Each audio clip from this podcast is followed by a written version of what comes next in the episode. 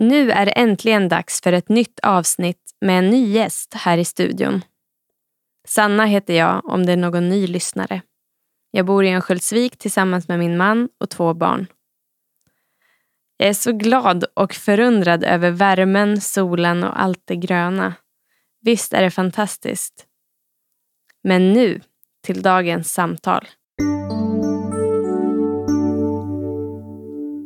Välkommen hit. Tack så mycket. Vem är du?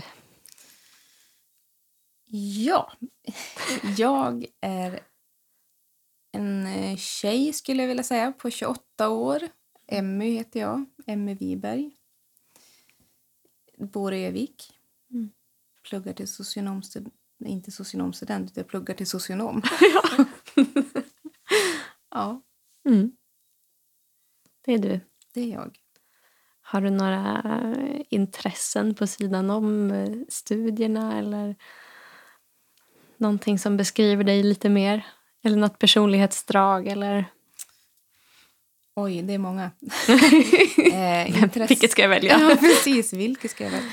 Intressen eh, är musik. Mm. Eh, tycker om att läsa böcker. Är ganska, eller ska inte säga ganska, väldigt vetgirig. Mm. Och vill veta hur saker och ting fungerar.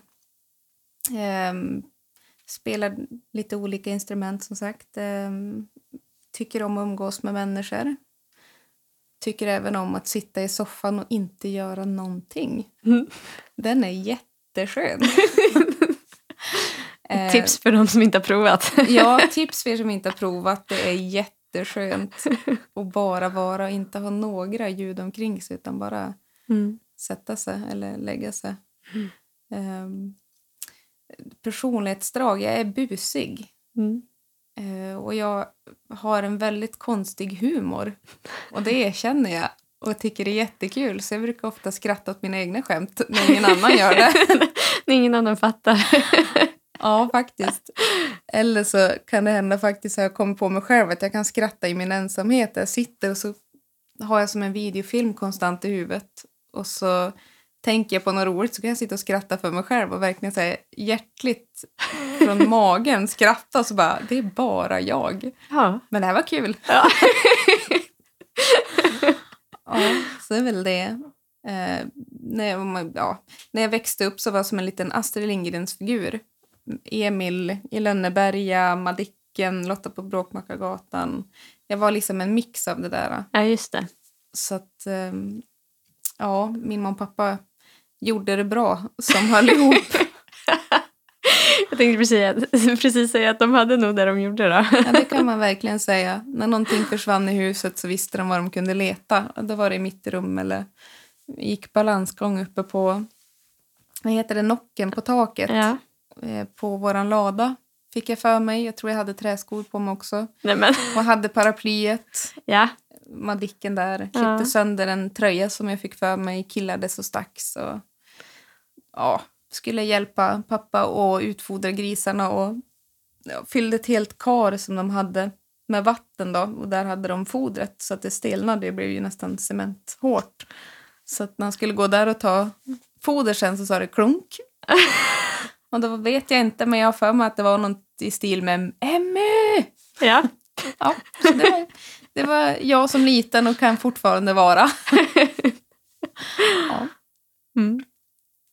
Hur länge har du känt Jesus?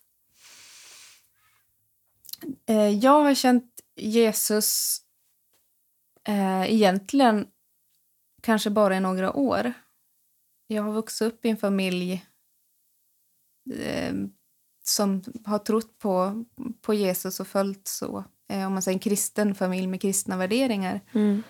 Men personligen så har jag nog inte lärt känna Jesus och förstått vem han är förrän på äldre dagar eller äldre år. Mm. Eller man säga. Mm. Så liksom, om man säger själva vetskapen på något sätt om, om Gud och, och Jesus och så har liksom funnits med hela tiden. Men att den här ja, relationen eller vad man ska säga Mm. har blivit på senare år. Precis. Mm. Att jag ja, har vetat om och, och förstått att det det är någon som ser till mig, som älskar mig. Men jag har inte förstått helt och fullt vem Jesus var. Jag förstod inte det här med relation. Mm. Eh, förrän, ja, det är nog kanske egentligen bara fyra år sedan Mm. som jag faktiskt började bygga en relation med Jesus Mm. Och ha ett samtal med honom Mm. på allvar. Ja. Ja. Jag tänker att det där ändå... Jag tror att det kan vara ganska lätt hänt. Tänker jag. Alltså, många tänker så här, ja men det är ju så fantastiskt om man får växa upp i en kristen familj och sådär. Men på något sätt så kan det vara, tror jag, att ja, men man har hört alla de här bibelberättelserna och allting. Om, det har ju liksom varit en del av ens liv. Men just det här med att, att verkligen ha en relation kan nog missas ibland. Alltså att man ja, på ett eller annat sätt inte riktigt fattar just det. Nej, men då, det tänker jag. Liksom, vad är man uppvuxen med eller har det gått förbi en? Eller, Mm. ja, men för, för mig var det så konkret också för att eh, jag kände ett sånt behov av att få veta vem är Jesus. Mm. Jag hör andra prata om honom precis Mm. som att jag skulle hö- höra andra prata om Sanna. Mm. Eh, och vem, ja, men vem du är och Mm. vad du gör och vad du har gjort. Och, men jag har ingen personlig relation. Mm. Så den slog mig för några år sedan. Så bara, men Jesus, vem är du? Mm. Jag hör allt fantastiskt du har gjort och allt du gör. Och, men vem är du? Mm. Precis. Så att den, den när jag började söka relationen. Mm. För att att Jesus alltid har funnits har jag märkt med facit bakåt i tiden Mm. också. Men, men just det där att jag fick ta steget. Så men jag, jag vill ju snacka med dig Mm. direkt. Jag Mm. vill ju umgås med dig. Mm. Att verkligen söka honom liksom och inte bara... Ja, eller söka egentligen mer bara ta det här vardagliga. Men, Mm. Hallå Jesus, Mm. vad säger du? Och så sitta faktiskt och lyssna in eller liksom inte ställa en fråga och så bara gå därifrån. Ungefär den. Utan det jag märkte var att jag behövde inte söka så mycket utan mer Hallå, är du här? Mm. Och så märkte jag liksom att ja, men det började hända saker i mitt liv. Liksom att jag fick tilltal och så bara, jaha, är det så här det funkar? Mm. okej. Att det var inte svårare än så, utan jag satt rakt upp och ner och så bara Jesus, är du här? Mm. Ja. Mm. Ja, kanske det inte lät så, men... Men jag märkte det, att det var liksom... Att du kände ändå liksom på något sätt, ja, jag är här. Ja, jag kände och upplevde och Ja. hörde liksom att okej, ja Mm. men då så. Mm. Så att det, det är väl så jag tänker att jag, sen jag började lära känna Jesus, Mm. vetskapen om honom har jag haft under hela min uppväxt, Mm. Men just en relation, Mm. det är bara de senaste åren. Mm. Jag, ja, men jag sökte en relation Mm. och det var inte så svårt med den där också. Gud, vart är du? Mm. Vad vill du? Mm. Vem är du? Ehm, och det för mig fick bort mycket religiösa mönster. Mm. Vilket kanske för min omgivning kan ha varit omvälvande också. Mm. För att det, det blev en frihet med den relationen. Mm. För jag märkte att min identitet är så mycket mer Mm. än vad ska man säga, kyrkan eller än det jag gör. Mm. Det är vem jag är. Mm. För att Gud har skapat mig till att vara Mm. i en relation med honom. Mm. Och jag tror att för att få bort religiositeten också Mm. så måste vi faktiskt börja umgås med Gud och lyssna in Mm. och förstå att vi är barn Mm. och att det är okej att vara barn Mm. och ovetandes, Mm. oviss Mm. för att lära sig. Det är lite där, tänker jag, man blir som man umgås. Och umgås man med en person, eller en person, nu tänkte jag säga en rebellisk person som Jesus. För sin tid så var han ju, Mm. tänker jag, väldigt rebellisk, vilket jag tycker om. Ja. Fast han var ju inte rebell, utan han, ja. Men han var lite annorlunda. Ja, han, han visste sin identitet. Mm. Han visste vem han var. Mm. Och han visste vem Gud var. Mm. Och han hade en relation. Mm. Och där i visste han också vad som var rätt och vad som var fel. Mm. Vad som var världen och inte. Mm. Så att jag tänker det att, en, att man får en relation. Mm. Eh, och att fler inser friheten i relationen med Gud. Mm. Eh, och inte, att det handlar inte om prestige, det handlar inte om vad jag gör, vem jag eller vem jag är, men det gör det ju. Men vem, vad jag gör, det handlar inte om prestige. Nej. Utan att, Och inte vem jag är i andras ögon kanske. Det, det, det kan ju prägla många människor kanske. ja men precis. Liksom, ja, karriär och, och andra saker. Liksom, att Mm. ha en status eller någonting. Ja. Ja, och det är ju att i Guds ögon, vi är ju liksom, han ser ju oss inifrån och ut. Mm. Så det går inte att dölja någonting, så det är ingen idé. Utan att faktiskt släppa kraven, släppa eh, alla måsten och prestige och bara, men gud, vad säger du? Vem är du? Mm. Vem är jag? Mm. Att få ställa sig den frågan Mm. och faktiskt lyssna in då också inte ställa den där frågan igen och så bara, nej, men jag går och gör någonting annat. Mm. Utan att sitta in och lyssna in, för det är Mm. en tvåvägskommunikation. Mm. Vem är Jesus för dig då? För mig är Jesus en supercool kung. Eh, min storebror, min vän, min lärare. ehm, ja, Mm. min ledare, Mm. ska vi säga. För han har verkligen gått före Mm. och han vet hur han ska leda. Ehm, ja, alltså han är, han är kung helt enkelt. Mm. Med dubbel betydel- betydelse. Betydelse. En Ja. bra kung. Ja, precis. Så det är väl Jesus, vem Jesus är för mig. Mm. Mm. Vad innebär det för dig att leva med Jesus i vardagen? Hur präglar det ditt liv? Eh, för mig, ja.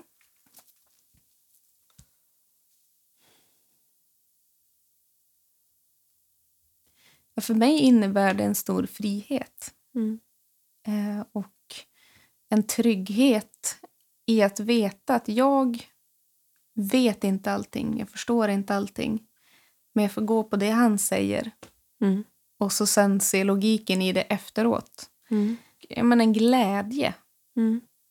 eh, och en, en otrolig kärlek och tillit. Mm. Hur umgås du med Jesus? Det, alltså det är ju vardagen, Mm. där jag är. Nu i inspelningen, att jag sitter, som vi gjorde innan, nu bad vi. Mm. Eh, men att redan när jag var på väg hit så bara, ah, Jesus, du får vara med här. Har du någonting att säga så stick in det. Ja.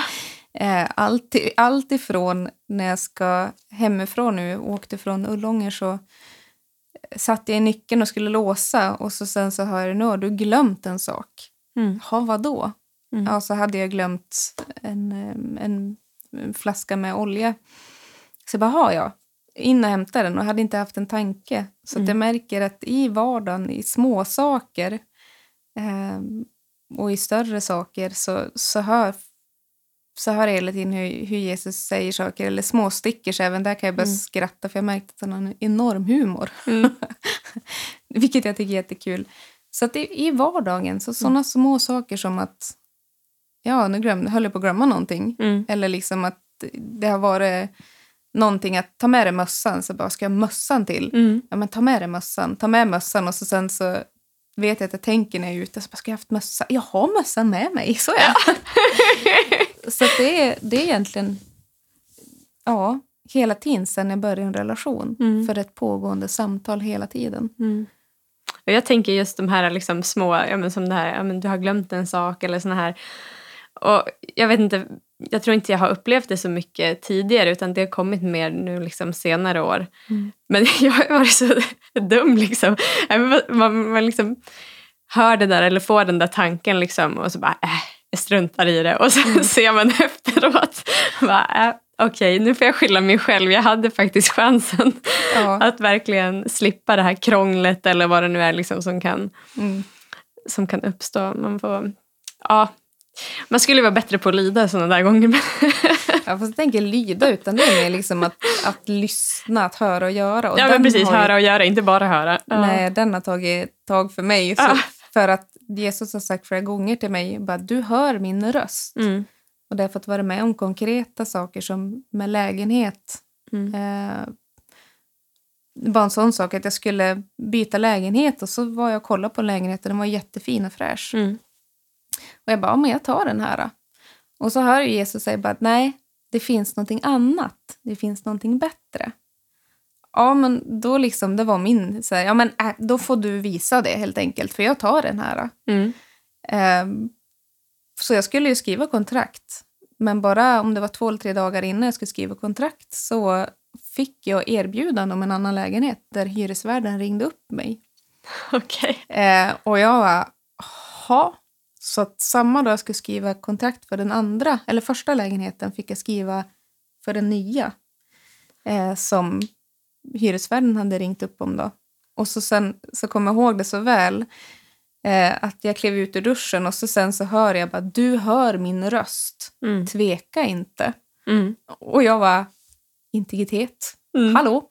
Ja, precis. Nej, men- Hallå, jag stod Ja. precis i duschen. Ja, men precis. Nej, men just den där att, att jag har fått lära mig med tiden och det är ju det också, det är en relation. Mm. Och det jag har fått lära mig, jaha det här är Mm. Jesu röst. Mm. Och just de där du vet, de små sakerna som Mm. du antagligen, som jag, om jag förstår rätt nu också Ja. har hört, ja men jag skulle ha tagit med det här. Mm. Ja, det går ändå. Ja. Eller så är det någon annan som bara, ja men jag tog med mig två. Ja, för att jag precis. fick för mig det. Mm. Ja men då är det någon som har fått något annat tilltal. Eller liksom. precis. Eh, så det är ganska roligt det där. Men ja, spännande helt enkelt. Ja, det är ju verkligen spännande också. Att, för ofta så är det precis som du säger det här med logiken, alltså man kanske inte alls fattar. Och det är ju ofta därför kanske man inte gör, även fast man hör. Mm. För att ja, människan är väl dum nog och vill förstå själv. Liksom. Men jag tänker det är som ett barn. Ja. Eh, och ni har ju barn själv Ja. så ni vet ju liksom det här, nej jag kan knyta mina skosnören Ja. eller nej jag ska inte ha mössan med mig. Ja. Men som en förälder tar med sig mössan, Ja. föräldern väntar kanske ut till slut liksom att men jag väntar tills du, Tills du fattar själv att du behöver hjälp. ja, eller- tills du ber mig om hjälp. Mm. Och lite den tror jag också att Gud kan göra och även Jesus liksom att ja, men jag väntar tills jag får hjälpa dig. Mm. Eh, och till slut så säger man det, ja, nu. Nu har jag hamnat i knipa. ja, och det är det jag tror också att jag, du, alla behöver bara inse att vi är barn och vi får Mm. vara det i den här relationen. Mm. Eh, och att vi faktiskt får lära oss. Mm. Det är okej Mm. att ramla och slå sig. Mm. Och vi har någon som reser upp oss och borstar av och Mm. säger ja men gör så här. Så Mm. lär man sig till slut. Mm. Det är ju så barn gör också. Ja, men precis. Man måste inte kunna allt på en gång. Nej, verkligen inte. Och inte innan man kan det heller. Nej. Nej, men och, och på något sätt så... I det där, även om det är en process, så till slut så inser man ju ja, men, sitt behov av hjälp. Och det är ju på något sätt ja, att förstå att ja, men, okej, Gud, jag behöver dig. Och det är ju det är väl den relationen han, han vill att man ska ha. Liksom. Mm. Annars om man blir alldeles för självständig och kan allting då, då har man ju inte samma behov av den relationen heller. Ja, samtidigt så är det kanske inte riktigt den behovs... Eller ja, såklart att han vill säkert ha att vi ska ha behov av honom. Men, men just den här relationen för att den är Ja. självvald. Ja. Att jag älskar dig, Gud. Mm. Och inte för att man är så beroende, att man är rädd. Eller, Nej. utan att man vill umgås. Mm. För det är om man tänker den egen relation. att Har man en vän eller ett barn som klänger fast hela tiden. Det är ju ganska kvä kvävande. Nu tror inte jag att Gud blir kvävd. Men alltså, det blir ju inte en tvåvägsrelation. Nej, nej. Eh, utan det här att faktiskt få lära sig. Det är Mm. den tänker gentemot Gud nu. att Jag får lära mig att stå på ben. Jag får det jag behöver Mm. och det han ger mig för att jag ska växa. Mm. Men sen att man vill ha kvar relationen. Mm. Inte bara för att man får eller Nej. alltså får saker eller för att, att man måste utan för att man vill. Mm. Det tänker jag det är som ett äktenskap där också. Att Mm. Jag väljer dig för att jag vill leva med dig. Jag tar Mm. ett beslut Mm. för att jag älskar dig. Mm. Inte för att jag väljer dig för att Jag behöver dig. jag behöver dig. jag, jag kan inte stå själv. Nej. Nej, men det blir ju inget bra äktenskap till slut. Nej. Eh, Och det är det jag tänker med Jesus och med Gud också. Att man har en, man har en relation och Mm. man får tillåtelse. Eller man, man måste förstå att tillåtelse att växa i den. Mm. Att få vara barn, att få vara ny. Mm. Lyssna in. Är det här din röst? Mm.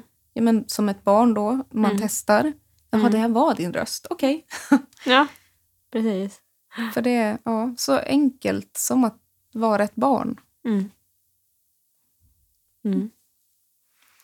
Ja, det står ju också i Bibeln att vi måste bli som ett barn för att komma in i himmelriket. Ja. Och jag tror det, att det Ja. är enkla tänkandet. Att tillåta sig att få lära. Mm. Att tillåta sig att få fråga. Mm. Att tillåta sig att bara få vara den man är.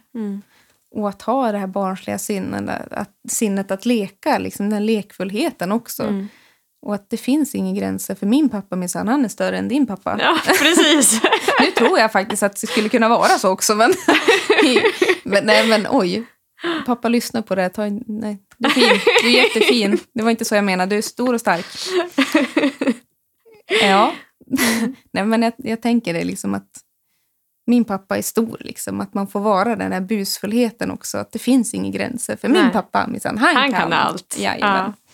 Ja. Ja. Så att det tror jag att den mentaliteten och det tankesättet, man får det. Mm. Och det blir så mycket roligare och mer frihet. Mm. Och där tror jag också att religiositeten får inte plats. Nej. För den precis. lag, eh, lagiskheten och så här måste det vara, så här ska det vara, du får inte. Mm. Det försvinner Mm. för att man lyssnar in vad Gud säger. Mm. Alltså ja, fast min pappa, han säger ju. Mm. Ja, Precis. Mm. Brukar du prata med andra människor om Jesus? ja det brukar jag göra. Eh, men inte om de inte frågar efter det. Mm. Eller så. För att jag har som princip att inte slå Bibeln i huvudet på folk. Mm. Eh, utan att jag, jag har märkt det att jag är den jag är. Eh, och att det brukar resultera i att folk brukar komma fram och fråga. Eh, och även säga, jag önskar att jag hade den där tron. Mm. Jag önskar att jag hade den där friden och glädjen. Mm. Eh, Så det är väl så jag brukar prata. Eller när jag åker tåg eller buss eller så, flyg också, så brukar jag ha Bibeln med mig och så brukar jag lägga fram den bara. Mm. Kanske inte att jag läser den, men bara att jag lägger fram den. För det, det är ju en, en, eh, ett samtal, en invit nästan till Mm. att öppna ett samtal. Mm. Eh, Och så brukar jag med fråga, ja, men vem tror du att Jesus är? Mm. För att få veta, liksom, vad har du för bild? Mm. Vad har du för, för förutfattade meningar kanske, eller förväntningar? Eller vad, vad är din preferensram Mm. för kristendomen i stort? Mm. Ehm, så så brukar jag väl göra. Mm. Du brukar inte liksom aggressivt gå, gå fram och... Ja, vet du vem Jesus är? Har du mött min, min vän Jesus? Kom hit, kom hit! Nej, jag, jag brukar... Nej, jag, jag, jag, jag, för mig så ser jag inte vinningen. Alltså, eller vinningen såklart, Mm. men, men för mig är det att vara där jag är Mm. och skapa relationer. Mm. För att skulle jag få prata med någon om Jesus och så, sen så, ja men, de inte har någon längtan, önskan, Mm. då kanske det faller bort eller skadar mer eller så, Mm. äh, det kanske alltid är bra, för det väcker ju alltid något frö. Mm. Men, men jag, för mig har det varit mer att, nej, där jag är och hur jag är, Mm. bara för att jag är den jag är, Mm. eh, det brukar leda oftast till de här samtalen. Mm. Vad är viktigt för att hålla den här relationen vid liv då? Tänker du? Ja, jag skulle säga det som i alla relationer. Att man faktiskt fortsätter lära känna varandra. Mm. Eh, fortsätter prata, kommunicera. Mm. Eh, inte ta, ta varandra för givet. Mm. Att jag inte tar Jesus för givet att ja, men du är så här.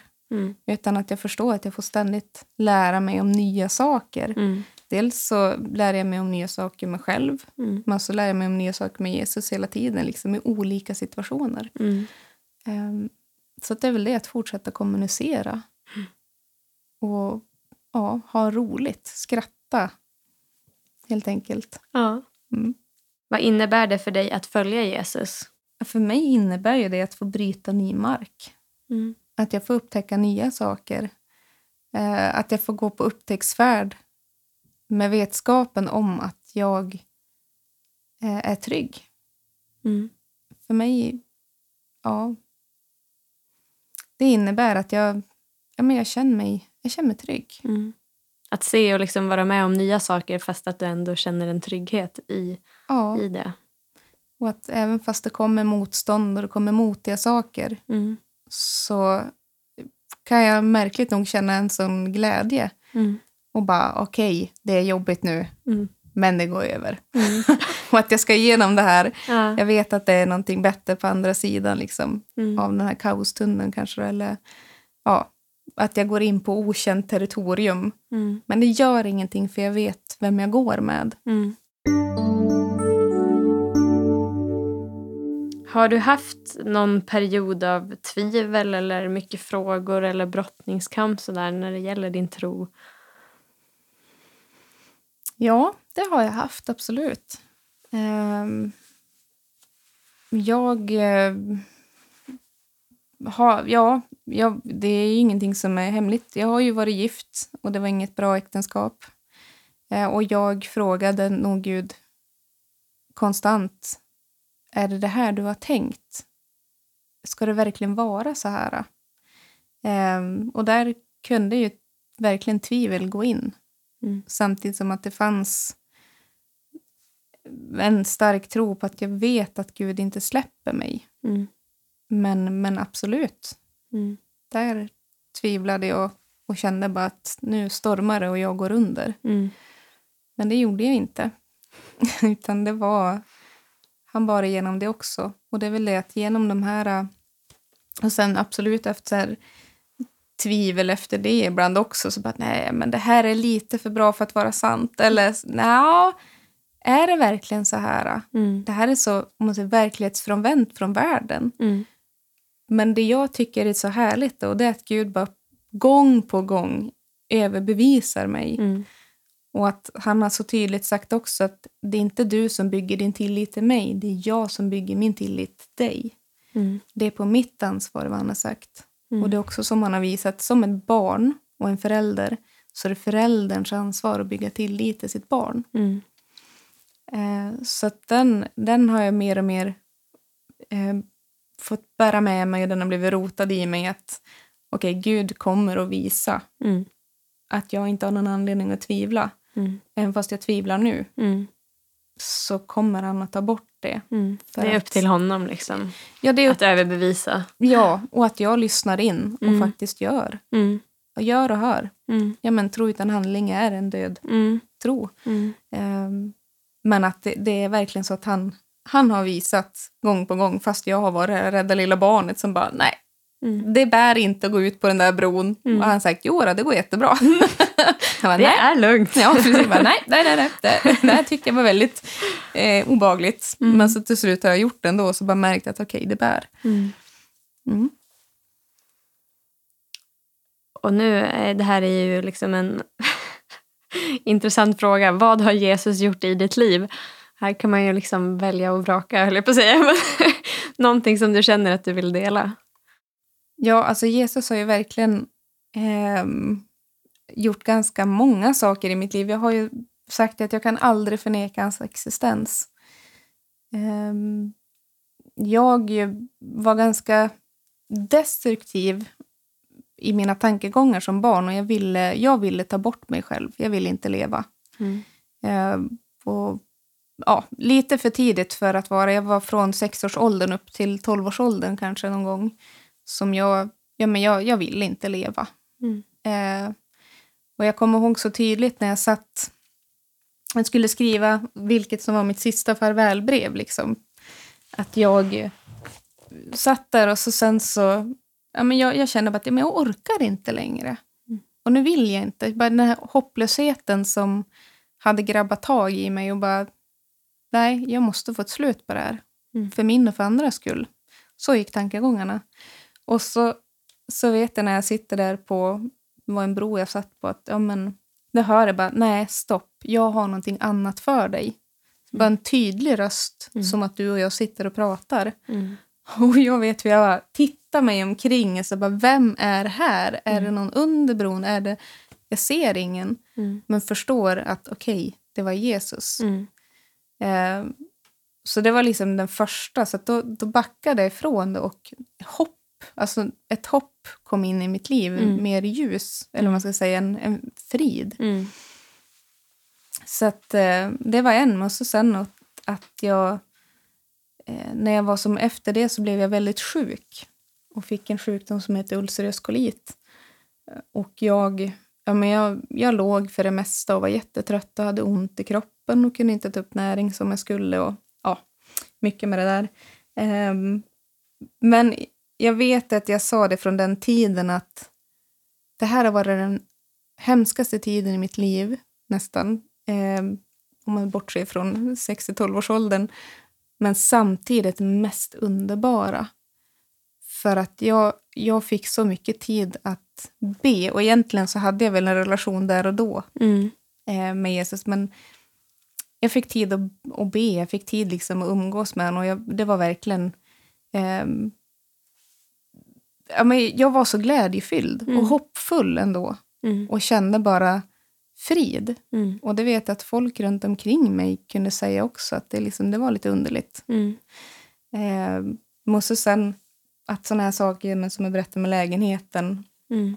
eh, har hänt. Eller liksom att under folkhögskoletiden så eh, kunde jag fått alltså, till, tilltal, eller hur man ska säga det, att jag hörde liksom Jesus sa det här, gå och säg det här till den här personen. Mm. Och så kunde jag väl vara, ja men där kom tvivlet in lite grann. Så bara, nej, lite obekvämt att säga det där va. Mm. Eh, men när jag väl gick och gjorde det så märkte jag att det här var jätteviktigt. Mm. Och det satte igång någonting hos en annan person. Mm. Eh, och hur personen kunde även säga, eller personerna, för det Mm. hände flera gånger, att det här har jag bett om. Mm. Och jag bara okej. Så att sådana här saker under årens gång Mm. har liksom hänt. Mm. Ehm, och där det har blivit så konkret. Liksom. Allt från att säga något jättekonstigt ord liksom, Mm. eller dragit något riktigt, riktigt dåligt skämt. och folk bara, "Ah, jag har bett om det där. Och jag bara, jättekonstigt att du bad om det, men helt okej. Ehm, men det är just det också att jag får testat eftersom liksom, och märkt att folk ber om de mest konstiga sakerna och så har jag kommit fram till att det gör ju jag också i och för sig. Ehm, men bara för att få den här bekräftelsen och precis Ja. som ett barn känna efter, vart är du Gud, vem är du? Mm. Eh, hur viktigt det är. Men så att det är väl, ja, det är som, vad var frågan? Ja, vad var frågan? vad Jesus har gjort i ditt liv? Ja, nu har vi ju Ja. hört lite. Precis, ja, men det är lite vad han har gjort i mitt liv. Men, men det jag mest av allt kan tänka att han har gjort i mitt liv, det är att jag har fått tillbaka mitt värde, Mm. min identitet, Mm. min frihet, Mm. ehm, kärlek. Mm. Ja, det är ju saker som jag ser att Jesus verkligen har, har gett mig och hjälpt mig in i. Mm. För att det har inte gått en enda dag utan att han har sagt du är, du är älskad, jag älskar dig. Mm. Du är värdefull, du är skapt av Gud. Mm. Ehm, det, det här är inte förgäves om Mm. det har varit någonting tufft. Mm. Så att ehm, en, alltså en stor trygghet Mm. och en frid och en visshet om att ja, men vad skiten som kommer så Mm. vet jag vem som står med mig och vem jag tjänar. Mm. Mm. Vem som är min kung. Mm. Så att det, ja, det är vad Jesus har gjort för mig. Mm. Mm. Ja, men det är ju fantastiskt och just som det står också i, i Romarbrevet där att för den som älskar Gud så samverkar allt till det bästa. Så det spelar ingen roll liksom, omständigheter, vad som händer. På något sätt så Gud kan vända vilket mörker som helst till någonting ljust. Mm. Ehm, ja, Mm. det är fantastiskt. Finns det något speciellt som du upplever att Jesus har lagt på ditt hjärta? Och där kan det ju vara liksom ja, en vision eller någonting ja, inom situationstecken kallelse, hur man nu vill uttrycka det. Någonting som du känner att det här vill jag dela. Mm. Eh, först och främst, om man ska säga, han har kallat mig, men han har skapat mig för att vara hans barn. Mm. För att vara i relation till honom. Mm. Det är min största kallelse, skulle jag vilja säga. Mm.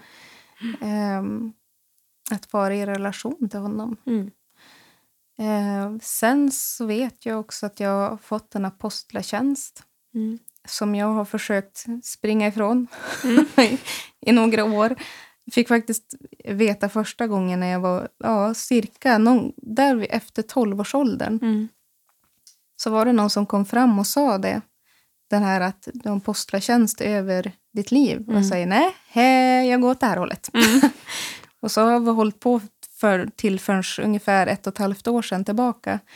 Att jag har satt händerna för öronen och Mm. bara, nej, nej, nej, nej. Eh, det här vill jag inte höra. Mm.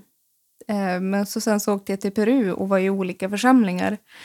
Och när jag var i de här församlingarna så kunde det komma fram folk och hälsa mig apostel, alltså apostel. Och jag bara, jaha, kan jag inte förneka det här längre nu? eh, men vilket jag nu känner att jag bara får tag i med full glädje för att det här är någonting jag fått och ska få förvalta. Mm. Eh, och där Gud har berättat specifikt liksom att det här ska du få göra Mm. och att jag ska få vara med och, jag menar, och sätta i identitet i folk runt omkring mig. Mm. Eh, och att få se andra ha relation. Mm. Det är det de är kallade. Mm. Men även att sätta andra i tjänst. Mm. För det är någonting som jag tycker är lite komiskt när jag går in i ett rum. Så kan jag nästan se det som att det står en, etikett ovanför det huven. Liksom, så här, Ja. så bara, ja, men här har vi liksom en profetisk tjänst. Mm. Här har vi en apostel, här har vi en förkunnare, här har vi en, en um, herde. Mm. Har jag glömt någon? Kände jag nu. Evangelist. Evangelist, precis. Eh, och det tycker jag är så kul. Men det är inte kanske alla gånger det första jag säger till en person. så bara, du förresten. Utan att, att när man vet att ja, identitet behöver sättas. Mm. Ehm, just det här att vi är Guds barn. Mm. Men sen till vissa då är det bara att det är som att Gud trycker fram mig. Ibland har det känts som att han sätter händerna i ryggen och så skjutsar fram mig medan jag sätter i hälarna och så bara nej, nej, nej, nej, nej, nej. Men då är det liksom att vissa så bara ska veta att ja, men du har den här äh, tjänsten. Mm. Neka inte den. Mm. Eh, För att någonting jag börjar se också det är att när folk tar den, Mm. den här tjänsten de har fått Mm. och faktiskt förvaltar den så är det som att ja, det är någonting som frigörs. Mm. Det är en sån glädje. Ehm, och så sen någonting jag också fått det är liksom att uppmuntra människor till att faktiskt vara de de är Mm. och inte någon annan. Mm. Utan att det är verkligen du är den du är för att du skapt Mm. att vara den du är. Ehm, och det här är ju någonting jag, är, jag känner själv att det bara lyser i ögonen på mig när jag ska börja prata om det. Mm. För att jag tycker det är helt underbart Mm.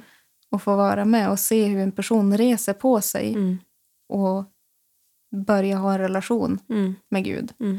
Mm. Börja våga gå. Det är som ett litet barn när de ska sina första steg nästan. Nu kan det vara många, alltså väldigt stor åldersspann på de jag möter. Mm. Men, men det är så jag får se, Mm. se på personen. Att det är som en person som har sagt att man är kristen hela sitt liv. Mm.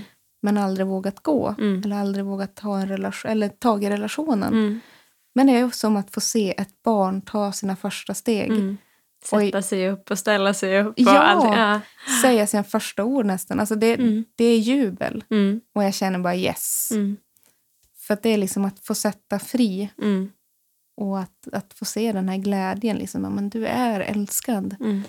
Skam tillhör inte dig. Liksom. Man får säga den till en person. Liksom, Mm. att du har, skam får inte verka i ditt liv. För att du är inte fel. Du är så rätt. Eh, så det är väl ja, någonting jag har fått väldigt starkt. Mm. Men just det här kring identitet, för det har väl också varit någonting liksom för mig just att förstå. Ja, det vet jag inte om jag förstår än heller. Alltså, det är väl en livsprocess att förstå vem man är i Gud på något sätt och att förstå vem han är. Mm. Det är det hela relationen på något sätt handlar om. Liksom, att lära känna honom och lära känna sig själv hela tiden. Men, men just bara att ens få upp ögonen för det det, det tog ju också liksom lång tid förhållandevis då för mig också tycker jag. Mm. När jag ändå har liksom också vuxit upp i en kristen familj och sådär. Men, men eh, det är ju så fantastiskt och när man liksom på något sätt börjar landa i det själv så ja, man vill ju bara att andra människor också ska få upptäcka den friheten som det faktiskt är.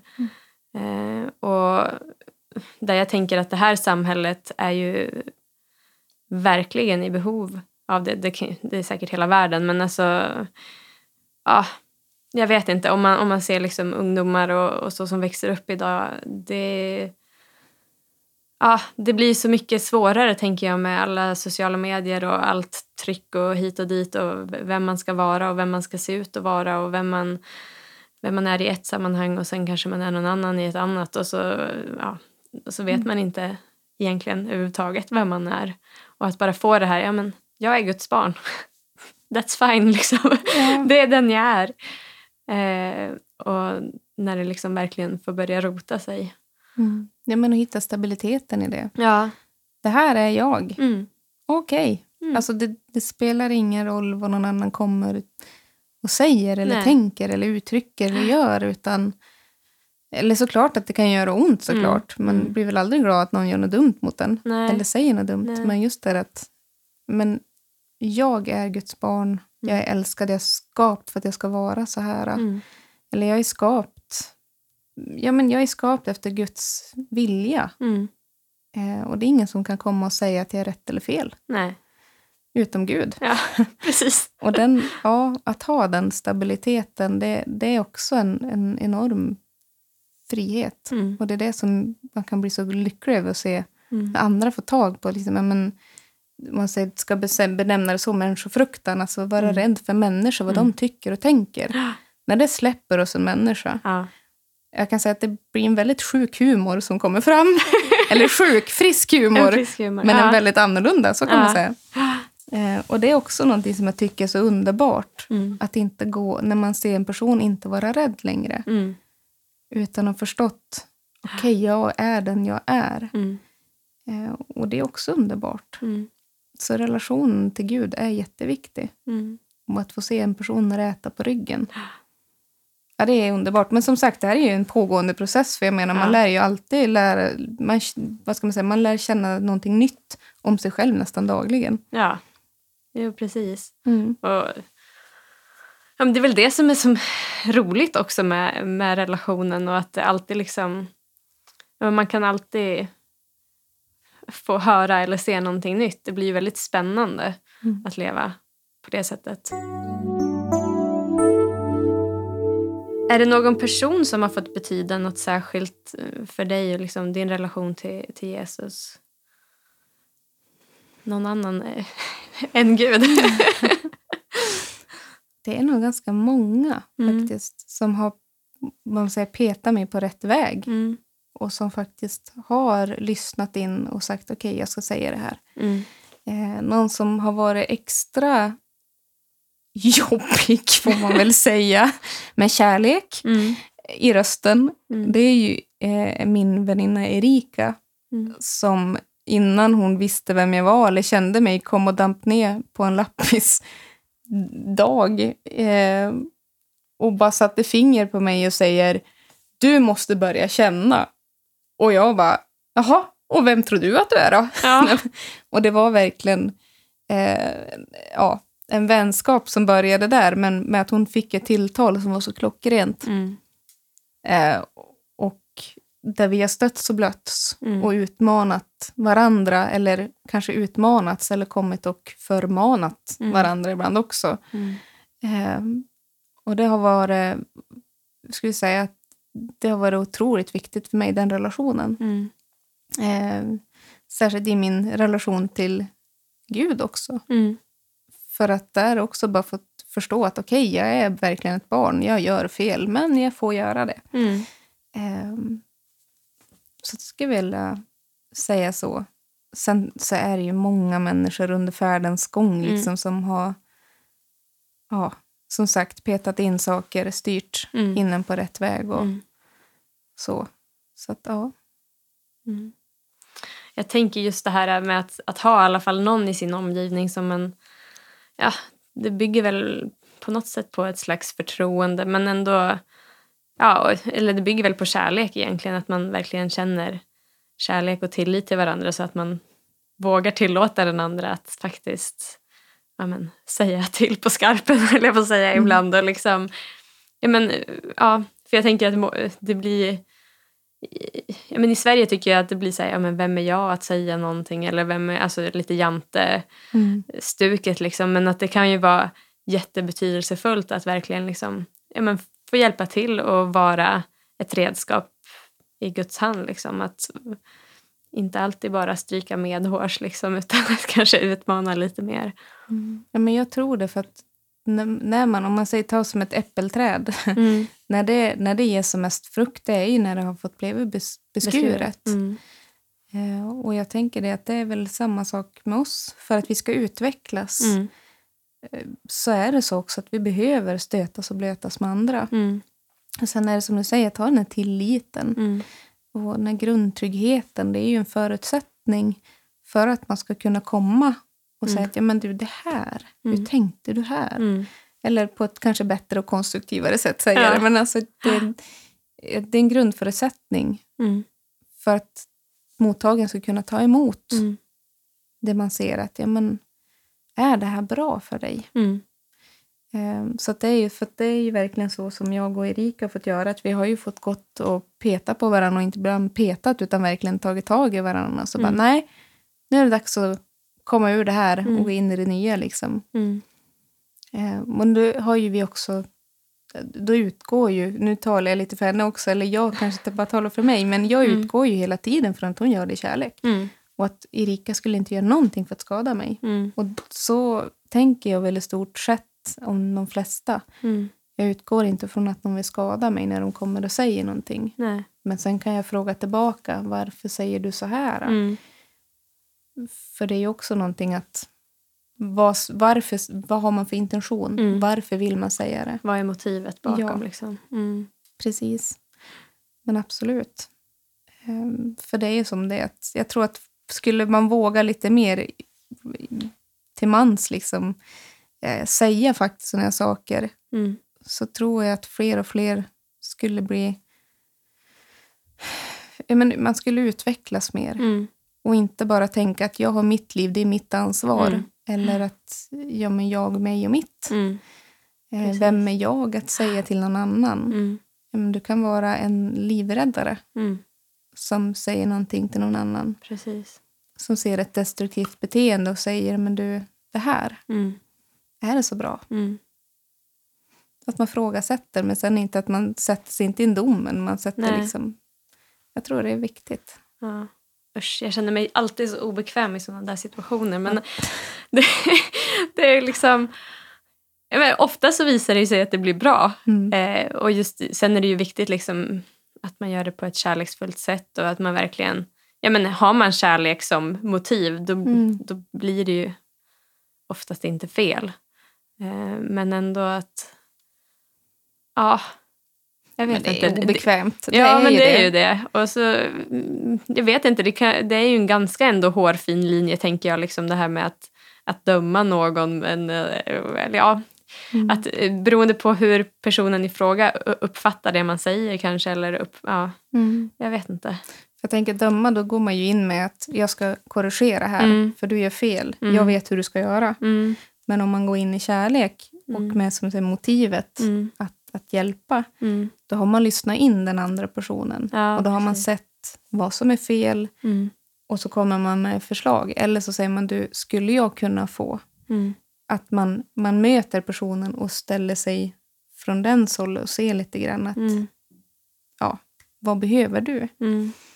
Um, och sen kanske alla gånger inte säga någonting utan faktiskt bara vara med. Um, för det är ju det att gör jag det utifrån mig själv mm. eller gör jag det från personen? Mm. Och det tror jag att det blir enklare då att få bort det dömande. Ja, men precis. För att där, i ett dömande då är det så jag vet bäst. Jag vet minsann hur man ska göra. Mm. Du gör fel och jag gör rätt. Mm. Precis. och den, den tror jag inte man behöver vara rädd för om man går utifrån att ja, men jag vill dig väl. Mm. Och så sen att man går ett steg längre. Mm. Vad behöver du? Mm, precis. Inte, var, Inte, vad, så- vad behöver jag? vad behöver jag? Eller att tänka så här, jag gör det här för att jag vill att du ska tycka att det är bra. Eller Mm. jag menar att man är lite självkritisk också. Mm. Men utifrån kärlek, att vad behöver du? Mm. Mm. Mm. Ja, det där får man träna på. Ja, kära värld, det där är en process som är Det är livslång tur att tror vi är jag. barn, eller hur? Ja, precis. Men det, eller hur? Bra där. Det är det jag tänker också, att det här är någonting att lära sig. Ja, Och att man gör sina tabbar och så, Mm. men ja, men man då måste får man ju lita det. på att Gud fixar det där. Att han Ja, rättar till det som blir fel. Absolut, det kan du ge dig på att det gör han. Ja. Så det tänker jag också, att det här är ju det är just såna saker. Mm. Våga göra. Mm. Och se liksom att ja, det gick bra, det gick mindre bra. Ja, då Mm. gör jag inte om det som inte gick bra. Nej, precis. Det är precis som barn. Ja.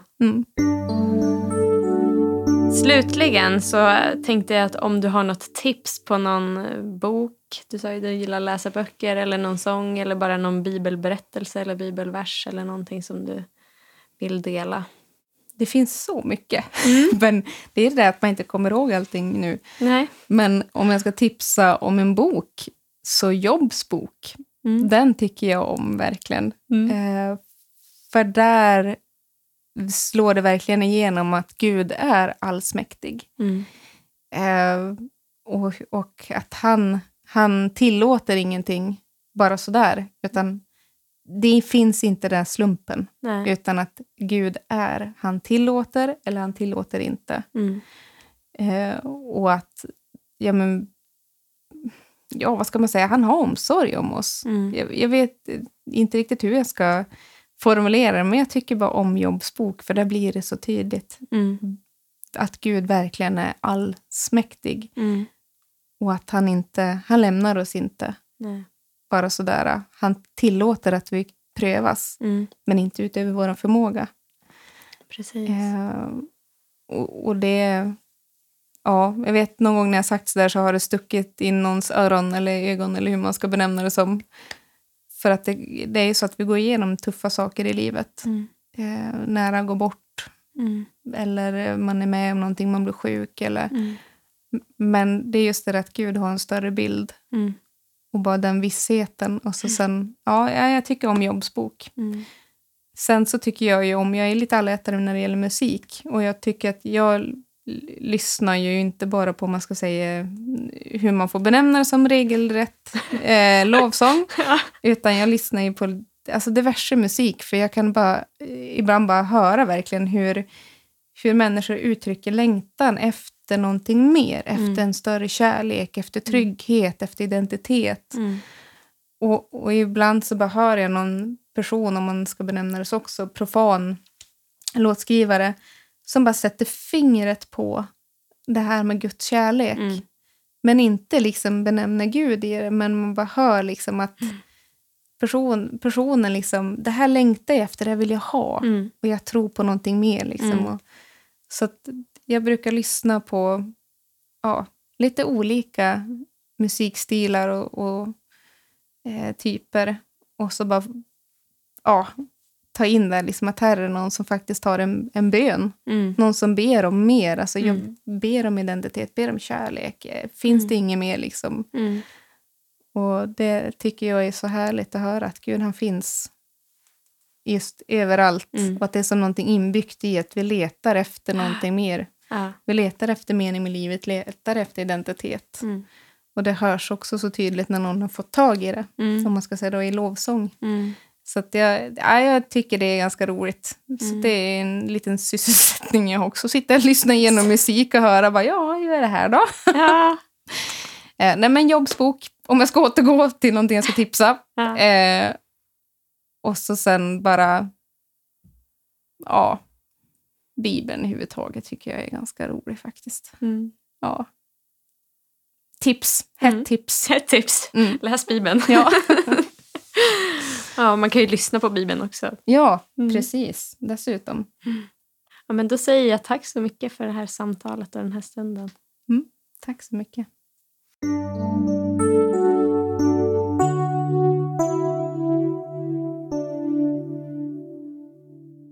av AN Ton.